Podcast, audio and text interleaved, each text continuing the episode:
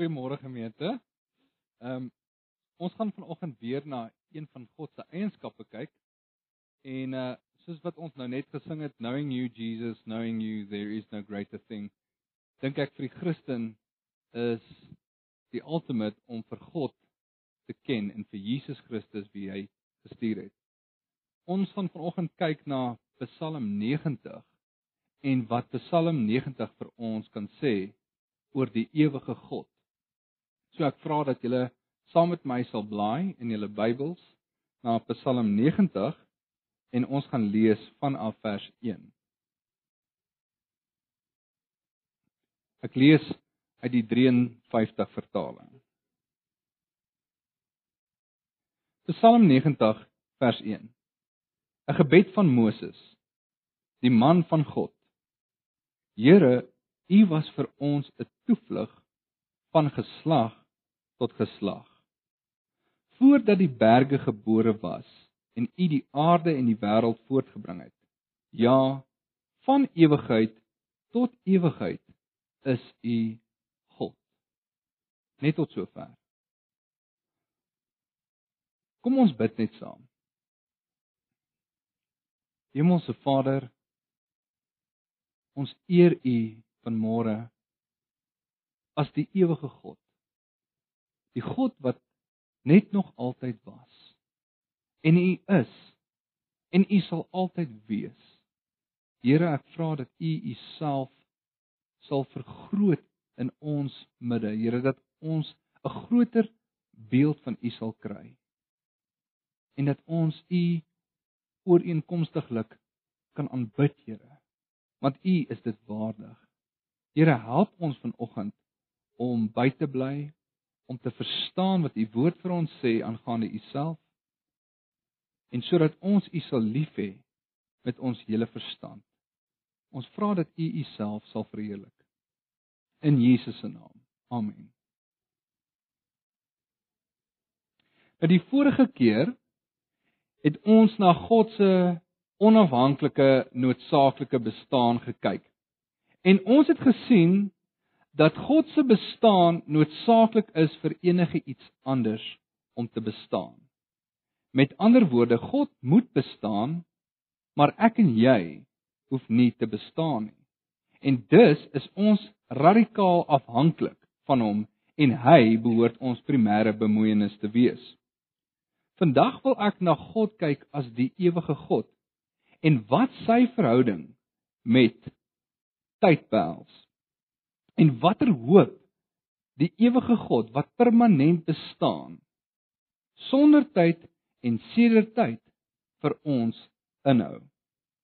So dit is ook my gedagte vanoggend. En dit is dat die ewige God wat permanent bestaan sonder tyd en sedert tyd ons sondige sterflike mense se enigste hoop is. Nou so 'n tydjie terug sit ek vroegoggend saam met my gesinnetjie in ons nuwe huis en geniet 'n koppie koffie en 'n stukkie beskuit saam. En ek onthou nog hoe ou Zoe daar lê op haar speelmaatjie met die tierlantuintjies bo haar kop wat haar vermaak. En Anna sit langs haar en vryf haar armpie en Claudia sit oorkant my met haar bene gekruis op die bank en sy vat so 'n slukkie van haar boere troos en ek onthou nog hoe ek gedink het dat dit voel asof tyd ewe skielik stil staan. Asof hierdie oomblik nooit verby sal gaan nie.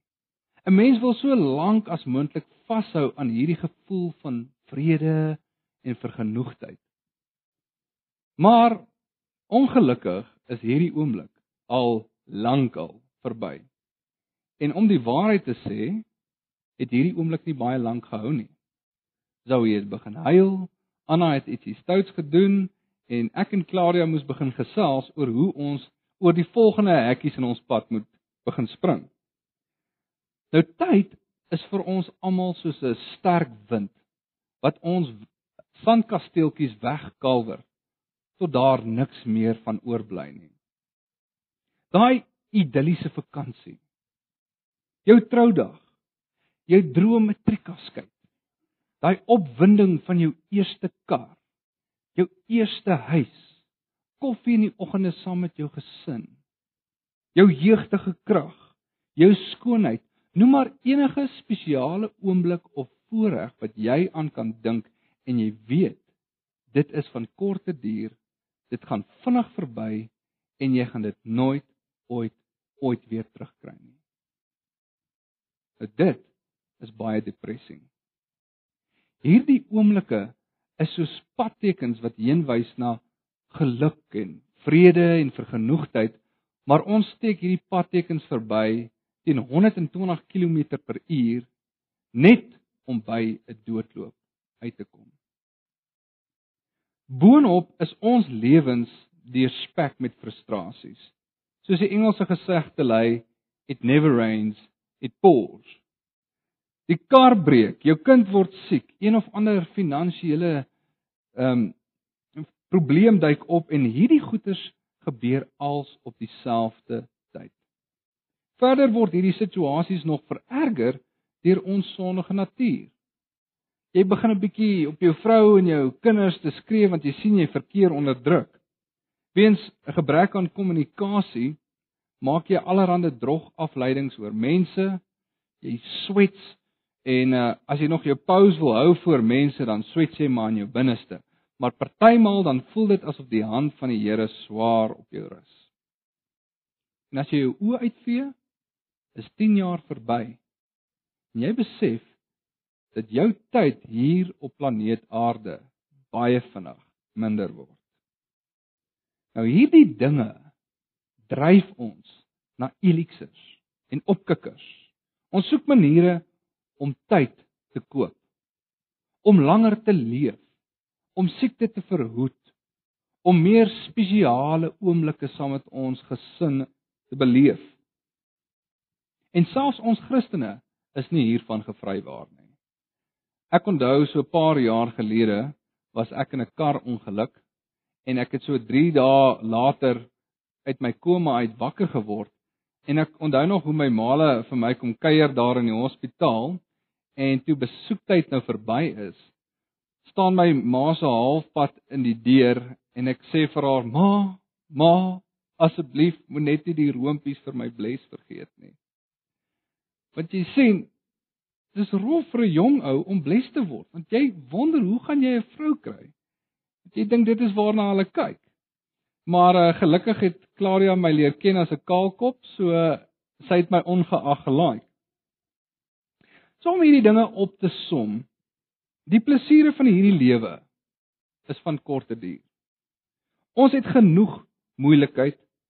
Ons word deur ons eie sonde getuister en op die ou einde moet ons almal sterf. Nou dit dryf ons om te soek na antwoorde en oplossings vir hierdie probleem. En ek wil vir julle sê dat Psalm 90 vir ons die antwoorde gee. So kom ons kyk 'n bietjie daarna. Nou hierdie Psalm dui aan dat Moses die skrywer is van hierdie Psalm en dit gee vir ons onmiddellik die konteks. Iewers daar in die woestyn tydens hierdie 40 jaar van beproewing sit Moses daar en hy skryf hierdie Psalm. En jy kry die idee dat hy al 'n ou man is as hy hierdie Psalm skryf, as hy sê in vers 10 daar in Psalm 90, die dae van ons jare, daarin is 70 jaar, of as ons baie sterk is, 80 jaar en die uitnemendste daarvan is moeite en verdriet want gou gaan dit verby en ons vlieg daarheen. Nou as jy jonk is voel jy onsterflik jy bars van energie maar dit is met die ouderdom dat jy jou sterflikheid begin besef as as jou krag begin kwyn as geld en remetiek sy tol begin eis As jou vriende begin minder raak, as jou sig begin swakker word en jou arms korter, dan besef jy jou eie sterflikheid. Dan dink jy oor hierdie dinge. Nou as jy nou dink aan Israel wat vir 430 jaar lank nie in hulle eie land gebly het nie. Nie eers om te praat van hierdie 40 jaar wat hulle rondgeswerf het in die woestyn nie. En aan hulle stamvaders wat in tente rondgetrek het, dan is dit baie insiggewend waar Moses sê hulle permanente blyplek is, hulle toevlug. En dit is in God. Hierdie ewige God bied vir hulle beskutting en beskerming aan. Hy is hulle veilige heenkome. Nie huise van bakstene met dakke op nie, maar die ewige God is hulle veilige heenkome. Moses gee dan vir ons die tydskaal waarin Israel sowel as die menslike drama afspeel. Van geslag tot geslag. En dan vergelyk hy dit met God se tydskaal wat van ewigheid tot ewigheid is. En hierdie is definitief 'n mindere meerdere verhouding. Dis amper asof Moses vir ons wil sê dat ons altyd in sy ewigheid verberg is. En dis duidelik dat God se permanente bestaan vir Moses 'n sin van groot veiligheid en sekuriteit is. In verse 2 tot 4 lees ons wat God se verhouding met tyd is en sy belewing van tyd. In vers 2 lees ons voordat die berge gebore was en u die aarde en die wêreld voortgebring het, ja, van ewigheid tot ewigheid is hy God en vers 4 want duisend jaar is in die oë soos die dag van gister as dit verbyskiet en soos 'n nagwaak. Nou ongetwyfeld is die konsep van tyd in Moses se kop terwyl hy hierdie Psalm neerskryf. Iewerste daar in die woestyn sit hy en dink aan tyd. En ons nietigheid tref hom soos 'n hamer tussen die oë as hy dit kontrasteer met God se permanente bestaan. Nou Moses kontrasteer God se ewigheid in verse 2 en 4 met ons nietigheid in verse 1 en 3 en 5 tot 11. Ons keer terug so stof na die aarde terugkeer en ons dae is maar soos gras.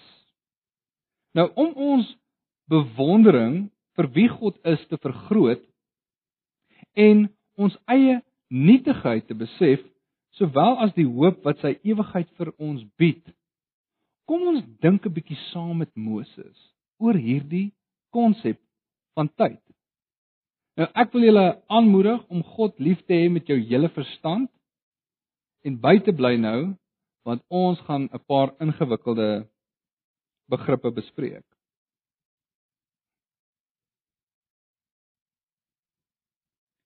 Nou, die konsep van tyd is 'n gedagte wat menigte teoloë al gefassineer het. Augustinus het gesê as iemand vir hom nie vra wat tyd is, dan weet hy wat dit is. Maar as iemand vir hom vra om dit te verduidelik, dan weet hy nie. Nou, tyd is so onlosmaaklik deel van ons belewing van die realiteit. Maar soms is dit moeilik om te omskryf of om te definieer sonder om in sirkels te begin praat. Vat byvoorbeeld hierdie vraag: Wat is tyd? Tyd is die duur van 'n oomblik. Wat is die duur van 'n oomblik? Dis tydsduur. So tyd is tydsduur. Nou iemand het gesê dat tyd dit is wat verhoed dat alles nie op dieselfde oomblik gebeur nie. Dit is die spasie tussen in gebeure en dit is seker die beste verduideliking van tyd wat daar is. Nou daar is twee basiese beskouings van tyd wat mense aan vashou. Die eerste beskouing glo dat dinge werklik ontstaan en vergaan in tyd. Daar is progressie. Tyd is dinamies glo hulle. Ons is op pad iewers heen. Al wat werklik bestaan is nou. Die verlede is verby en die toekoms is nog nie. En dit is ook duidelik dat dit Moses se beskouing van tyd is. Ons is soos gras, ons ons kom op en dan vergaan ons. Dan is daar ouens wat glo dat tyd staties is. om vir julle 'n idee te gee. Dit is soos 'n fliekse film wat opgerol in 'n boks lê. Al die rampies is ewe werklik. 'n Ou kan play drink, druk en dit lyk asof daar progressie is, maar dit is eintlik net 'n illusie. Dit is eintlik net hierdie rampies wat verby jou flits. Eintlik bestaan die rampies almal en is almal ewe werklik. Nou om die implikasie van hierdie beskouing 'n bietjie uit te lig, wil ek 'n illustrasie gebruik. Vat vir Jan van Riebeeck as voorbeeld. Hy is steeds besig om voet aan wal te sit, maar net in 'n ander tydsrampie.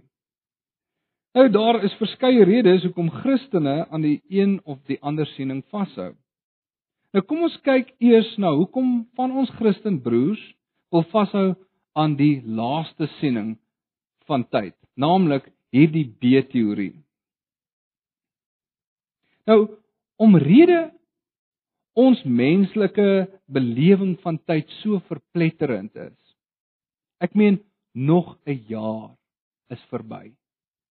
En ons ons vorm van bestaan beskou as 'n laer vorm van bestaan as die van God se. Glo ons dat God buite tyd moet wees. Verder verduidelik dit vir 'n paar Christene hoe God se voorkennis kan werk. God sien as te ware hierdie rampies voor hom lê, maar hy is self nie in een van hierdie rampies nie. Nou in sy boek Systematic Theology voorsien Wayne Grudem vir ons die volgende illustrasie oor hoe hy God se verhouding met tyd sien. Nou Grudem sê die volgende oor hierdie model. Thus God somehow stands above time and is able to see it all as present in his consciousness. Nou vir Grudem is God buite tyd. En hy is in staat om as te ware al hierdie rampies voor hom te sien. Nou ander Christene hou weer vas aan die eerste beskouing van tyd, aan hierdie A-teorie van tyd. Hulle wil weer bevestig dat God in tyd optree. Dat sy verhouding met Israel en sy mense werklik en dinamies is. Dat daar progressie is. Hy het belewing van tyd. 1000 jaar is vir hom soos. Hy het emosie wat eie is aan wesens wat in tyd is. Hy is bly. Hy vat lank om kwaad te word, maar sy woede kan in 'n oomblik ontvlam. Verder word hy in terme van tydsgrepe beskryf. Hy is die God wat is, wat was en sal wees. En hierdie is alles tydelike beskrywings wat God wat aan God gegee word deur die Bybel. So beide die Christen wat sê God is in tyd en die Christen wat sê dat God buite tyd is, doen dit vir eerbare redes. Nou kom ons analiseer hierdie twee beskouings. Nou ek moet ongelukkig my kritiek gee oor hierdie laaste vreemde siening van tyd. Naamlik hierdie B-teorie dat tyd soos 'n fliekse film is wat in 'n boks opgerol lê.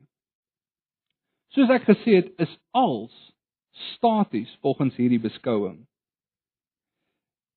Die heelal is besig om geskape te word in een tydsrampie terwyl Moses besig is om die Egiptenaars of ehm um, vir Israel uit Egipte te lei of om hierdie Psalm te skryf in 'n ander tydsrampie.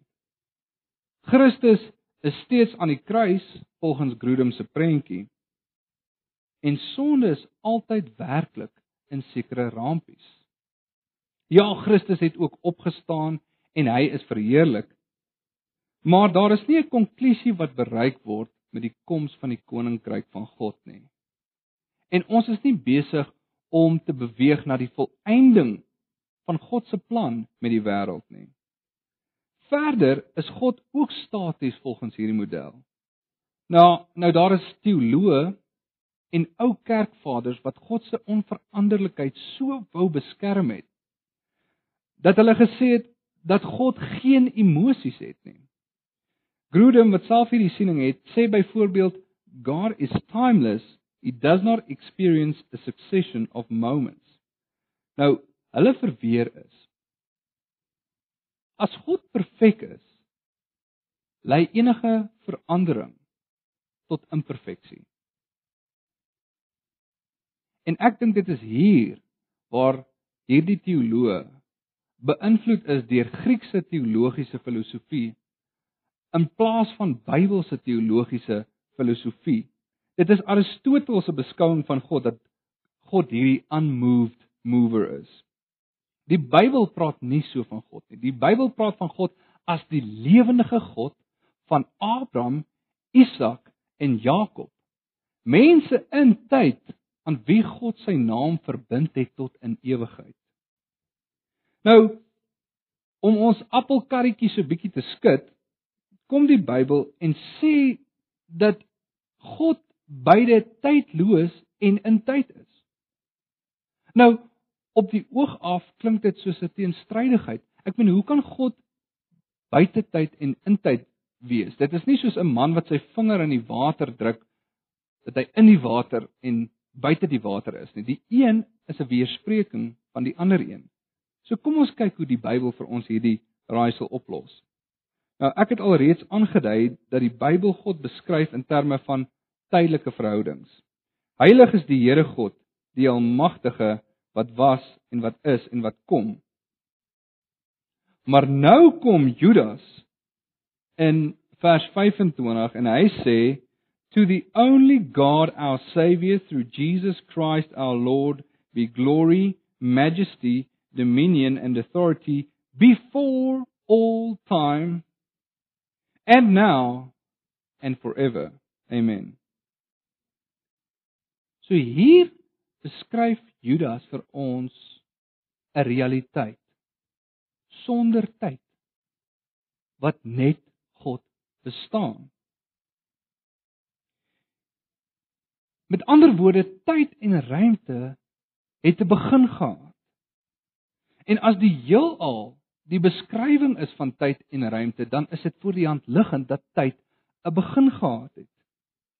Nou Tyd is wel potensieel ewig, maar daar is net 'n sekere aantal hoeveelheid sekondes wat afgeloop het van die begin van tyd af. In die realiteit waar tyd nie bestaan nie, bestaan God alleen en soos wat Grudem sê, is daar geen succession of moments nie. Tegnies kan jy nie eens praat van voortyd nie, want voor impliseer self tyd. In daardie realiteit bestaan die Vader, die Seun en die Heilige Gees alleen.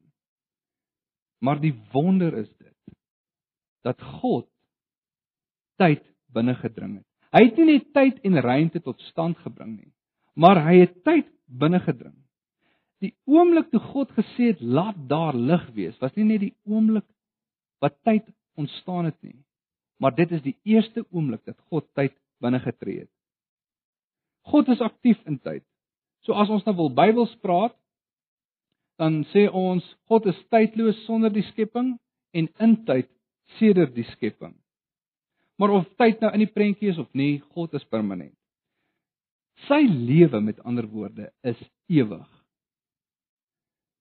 En ek wil kyk hoekom hierdie ewige God en sy ewige lewe vir ons 'n bron is van groot hoop.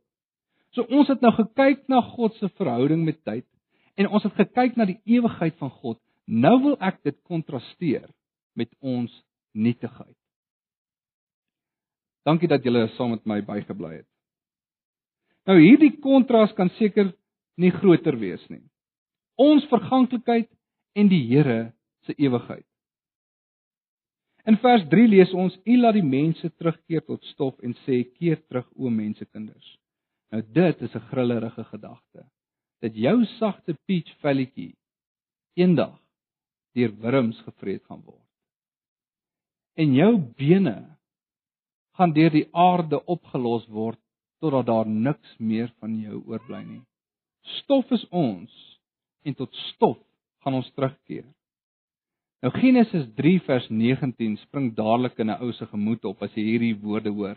Dit is die vloek wat God uitgespreek het oor Adam weens sy ongehoorsaamheid.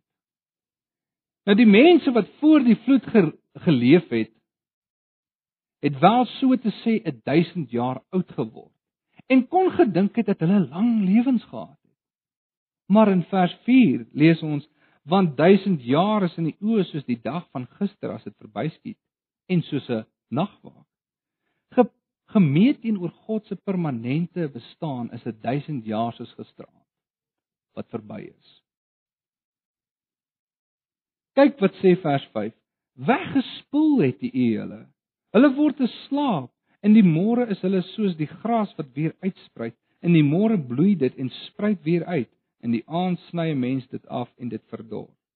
Net 8 mense het daardie vloed oorleef. Maar die mensdom het weer begin uitspruit en vandag is daar meer as 6 miljard mense op hierdie aarde. Maar daar gaan 'n tyd kom wat God vir sy engele sê om daai sekels bymekaar te maak. En wanneer die son sak oor die mense geskiedenis, dan gaan ons afgesny word. Nou bring Moses die kloutjie by die oor. Hoekom het God gesê moet ons tot stof terugkeer? Hoekom word ons afgesny? En Moses gee vir ons die antwoord in vers 7 tot 11. Hy sê daar in vers 7, lees saam met my want ons vergaan deur u toorn en deur die grimmigheid word ons verskrik. U stel ons ongeregtighede voor u. Ons verborgde sondes in die lig van u aangesig. Want al ons dae gaan verby deur u grimmigheid. Ons bring ons jare deur soos 'n gedagte. Die dae van ons jare daarin is 70 jaar. Of as ons baie sterk is 80 jaar. En die uitnemendste daarvan is moeite en verdriet want gou gaan dit verby en ons vlieg daarheen. Wie ken die sterkte van u toren en die grimmigheid ooreenkomstig die vrees wat u aan u verskuldig is? Die rede vir ons nietige bestaan is ons sinnelose sondes. Ons weet dit almal. Dit is sinneloos om te sondig, want sonde hou nie tred met die ewige God nie. Dit bring nie vir God in berekening nie. Wat het die slang vir Eva gesê? Julle kan soos God wees. Ons wil onafhanklik en noodsaaklik bestaan. Dis amper asof die mens vir God sê ek wens jy was dood en ek staan in jou plek. Is soos die verlore seun wil ons erf en klaar kry want ons pa is vir ons dood. En ons wil ons lewens leef sonder hom en sy woord wat vir ons sê wat om te doen. Ons wil die goeders doen wat vir ons lekker lyk. Die goeders doen wat vir ons lekker voel. Goeders doen wat ons belangrik gaan laat voorkom in God se afwesigheid. Maar Moses vat hierdie masker weg. En hy wys dat hierdie 'n lewe is onder God se wraak. God is nie jou pelly nie. Hy's nie soos 'n oupa wat sê, "Ag, boys will be boys nie." Hy verpes sonde. God se wraak is sy regverdige verafskuwing vir alles wat sleg en verkeerd is. Wat verwag jy van 'n heilige God? Nou, hierdie lewe wat Moses beskryf, is 'n lewe wat gekenmerk word deur moeite en verdriet 'n sinnelose bestaan. Was dit nie waar van Israel nie? Wat het hulle hardnekkigheid vir hulle gebring in daardie 40 jaar in die woestyn? Niks anders as 40 jaar en daar val hulle karkasse nie. Geen rus, net moeite. Geen vrede, net verdriet. Wie sal nie hierdie God vrees wat jou lewe in sy hand hou en by magte is om jou siel in die hel te werp nie. Nou hierdie is 'n baie donker prentjie. Maar gelukkig kom die Heilige Gees deur die pen van Moses. En hy wys vir ons hoe ons die verkrippelende mag van sonde tegemoet moet kom wat tyd as 'n wapen teen jou en my gebruik? En die antwoord is gebed tot die ewige. Nou ons sondaars se enigste probleem is hierdie heilige God. Maar hy is ook ons antwoord. Kom ons kyk 'n bietjie na Moses se versoeke. Die eerste ding waarvoor Moses bid in vers 12 is leer ons om ons dae so te tel dat ons 'n wyse hart mag bekom. Dit is die heel eerste logiese reaksie wat jy as 'n sondige sterflike wese behoort te hê. Koop die tyd uit. Jou liggaam is maar 'n tentwoning, 'n onveilige, nie permanente blyplek. En sommige van ons se tentdakke is al bietjie verslyt. Dink 'n bietjie terug aan oom Nico se preek. Wat het daai ou gedoen met sy tyd? Hy het vir hom bymekaar gemaak in skure. En toe is sy tyd kort geknip. En die Here sê vir hom: "Jou dwaas. Hierdie ou het nie wysheid bekom nie. Hy was nie ryk in God nie. Hy het sy tyd aangewend om vir hom bymekaar te maak." En daar gaan vir hierdie ou gesê word: "Jy is 'n dwaas gewees." Wat doen jy met jou tyd hier aan hierdie kant van die ewigheid? Met jou 70 of 80 jaar as jy baie sterk is. Wat gaan jy doen daarmee wat tel in die ewigheid? Nou wie beter kan vir jou sê wat om met jou tyd te doen as hy wat van ewigheid af weet wat gaan gebeur en hy wat oor 1000 jaar nie 'n dag ouer word nie. Bid, sê Moses vir ons. Bid en vir julle sal gegee word. As jy nie bid nie, gaan jy nie kry nie. En as jy vir die Here vra vir wysheid, soos wat Jakobus ons leer, sal hy vir jou gee sonder om twee keer te dink. Die tweede ding wat Moses bid is: Keer terug, Here, Tot hoe lank? En ontferm u oor u knegte. Nou hierdie is 'n pleidooi om genade. Al is die straf voltrek, al is ons verdoem tot stof, Here keer terug waar ons onder u wraak verkeer het. Op grond van u genade en u liefde pleit ons by u Here, ontferm u self oor ons toon ons u liefdevolle besorgdheid. Vat hierdie vloek van ons af weg. Toe God vir Moses gesê het dat hy nie meer saam met Israel sal bly nie, want hy sal hulle in 'n oomblik vernietig weens hulle hardnekkigheid. Wat vra Moses vir God? Hy sê: "Want waaraan sou dan bekend word dat ek genade in u oë gevind het, ek en die volk? Is dit nie daaraan dat u met ons saamtrek nie? Keer terug, Here, kom bly onder ons. En wonder bo wonder, God antwoord hierdie gebed en hy kom maak sy woning onder sy mense in 'n aangrypende manier. Ons het nou Kerstyd het ons die menswording van God in Christus gevier. In die begin was die woord en die woord was met God en die woord was God. Hy is in die begin met God. En alles het deur hom ontstaan en sonder hom het selfs nie een ding wat bestaan ontstaan nie. En die woord het vlees geword en onder ons kom woon. En ons het sy heerlikheid aanskou.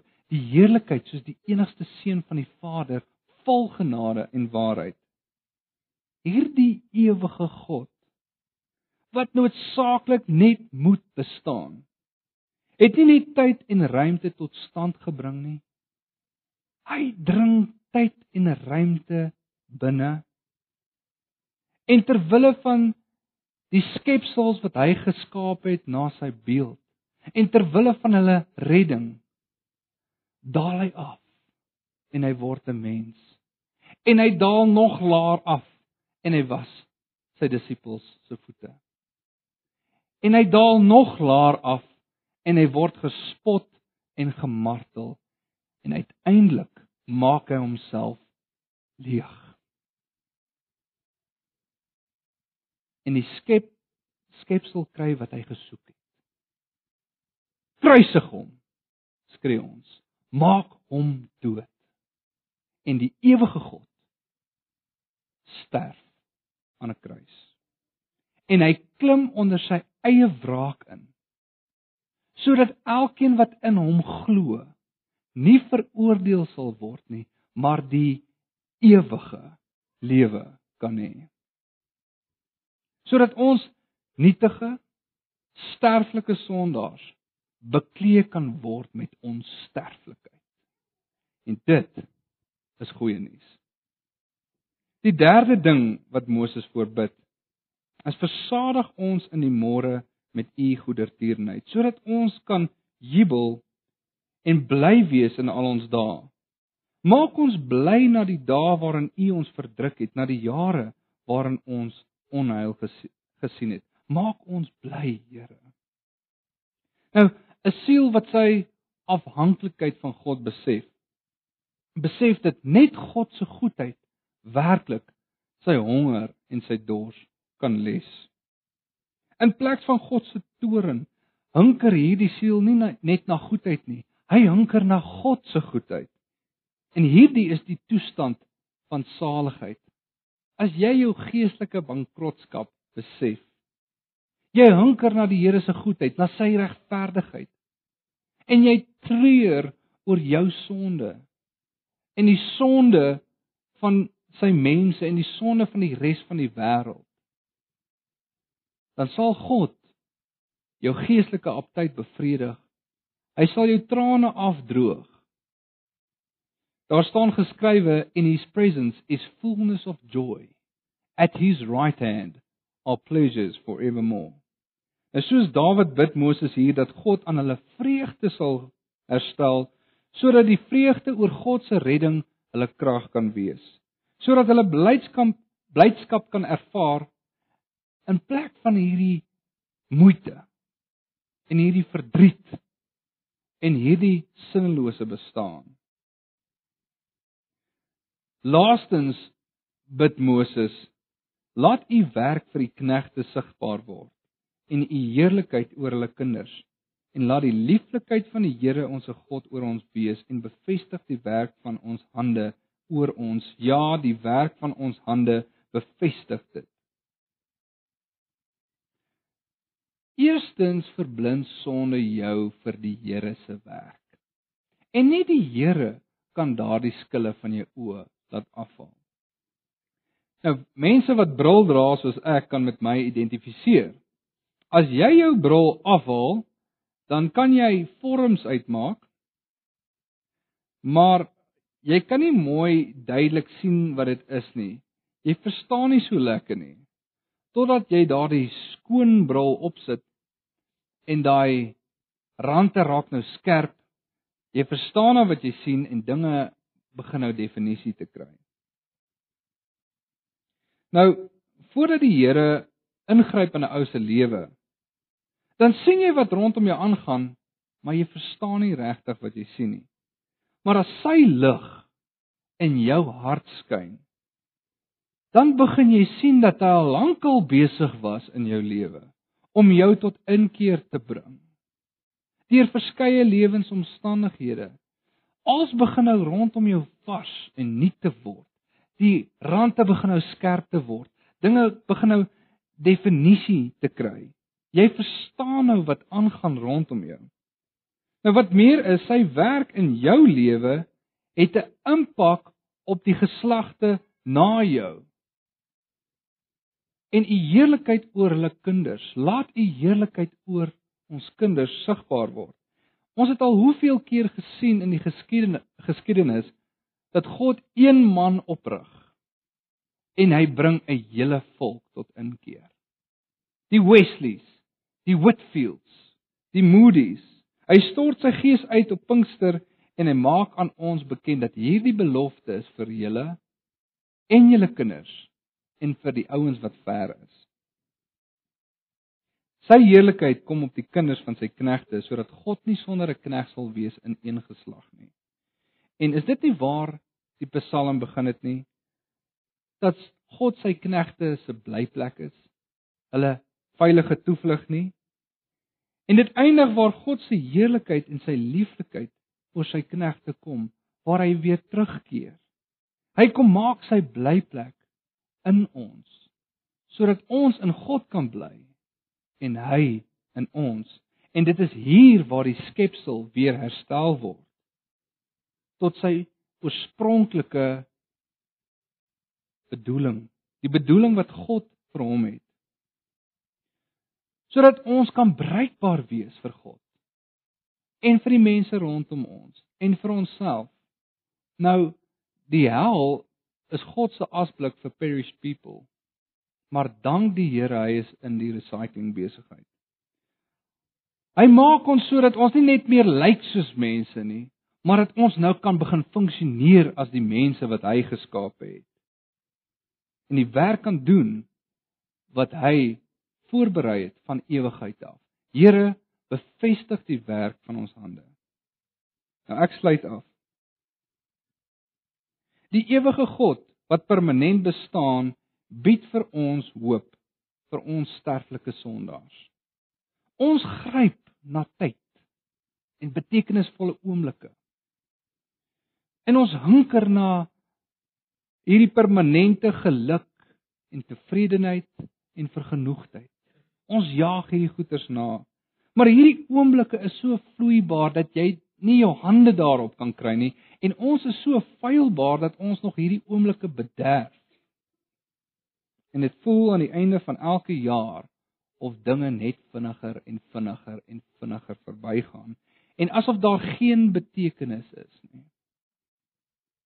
Om Moses se woorde te gebruik, want gou gaan dit verby en ons vlieg daarheen. Nou Nico het 'n liedjie geskryf, 'n gejaag na wind, op soek na iets.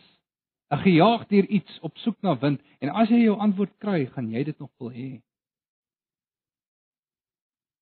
Maar die hoop is dat die ewige God wat permanent bestaan tyd binne getree het, afgedaal het, mens geword het en onder sy eie wraak kom inklim het sodat ek en jy nie verlore hoef te gaan nie maar kan deel in sy ewige lewe. Amen. Kom ons bid saam.